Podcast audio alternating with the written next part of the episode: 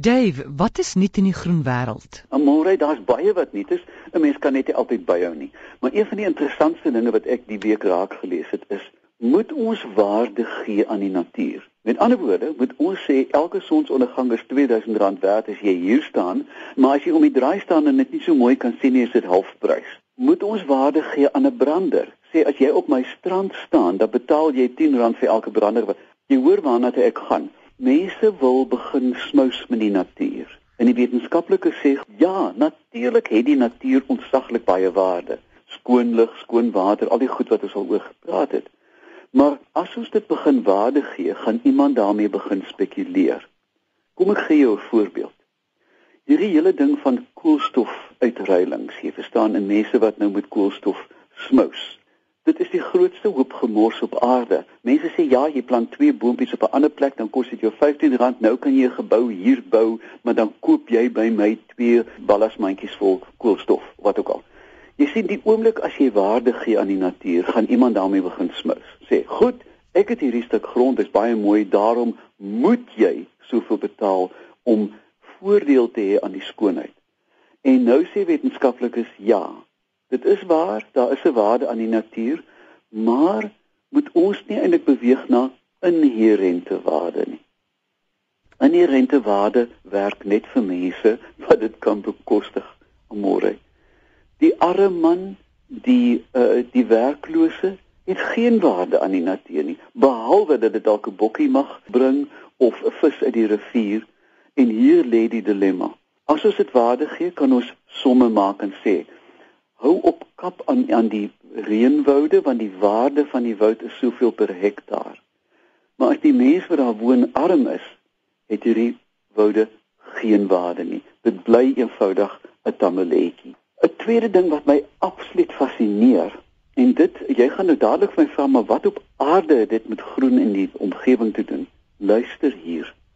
'n klomp wetenskaplikes in Amerika het nou uitgevind dat jy DNA, met ander woorde hierdie klein spiraaltjies, DNS altens, is dit mos deesdae, die klein spiraaltjies kan jy kodeer. Met ander woorde jy kan hulle rondskuif en in die kleinste fragment, minder as 'n gram DNS, kan jy 'n hele boek met 53000 woorde inprogrammeer. Nou ek wil graag hê jy moet jou rekenaarkennis vra hoe dit werk want ek verstaan dit nie. Ek ookie.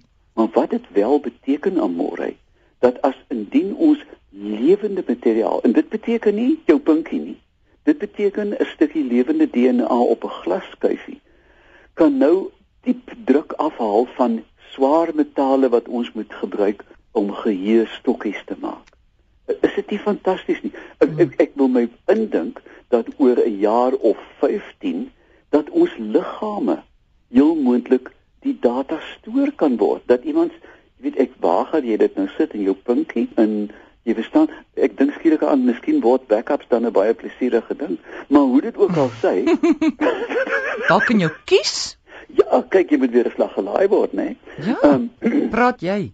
maar kom nou alle grappies op 'n stokkie. Dink jy aan is dit nie 'n wonderbaarlike ontdekking kyk jy kan DNS kunsmatig maak, né? Nee, jy kan dit in 'n proefwys maak en dan kan jy op 'n glaskuifie die hele kaboedel programmeer en ons weet nou dat DNS is baie baie stabiel. Natuurlik brand dit uit as jy dit in die vuur gooi, maar as jy dit reg stoor, soos binne in 'n geheue stokkie, hou dit honderd duisende jare, baie langer as magnetiese media.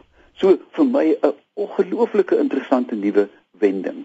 Dan ek dink laastens môre is daar 'n groot bangmaak storie. Wetenskaplikes van die Universiteit van Cambridge het nou begin baie akkuraat uitwerk hoeveel water het ons oor tot 2050. En die antwoord is verskriklik min. En wat hulle nou sê, ek gaan nou nie begin syfers 10% van dit en 20 liters van dat nie, maar hulle sê dat oor die volgende 40 jaar sal die oorgrootste meerderheid van alle mense op aarde vegetaries moet raak. Hoekom? Omdat dit soveel water kos om diere groot te maak. Ons weet dit almal. Op die oomblik is die mark baie klein. In die orde van 5 tot 10% van mense is is werklik suiwer vegetaries.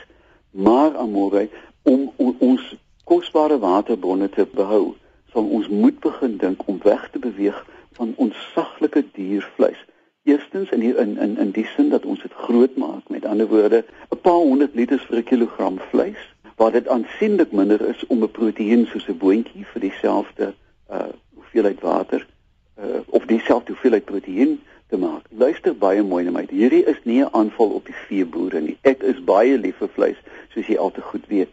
Maar die wat die keuse kan uitoefen moet begin dink daaraan. Wil ek 'n bydrae maak tot die aarde se welstand? Ja, en is ek bereid om vleis nou om dit vir 'n boer te sê, amore, dan soek jy dan nou moeilikheid hoor. So, my voorstel is mm. eet julle trommeldik terwyl julle kan want daar's maar jare aan die kom. So gesels Dave Peppler en jy kan hom kontak by oompie by iafrica.com.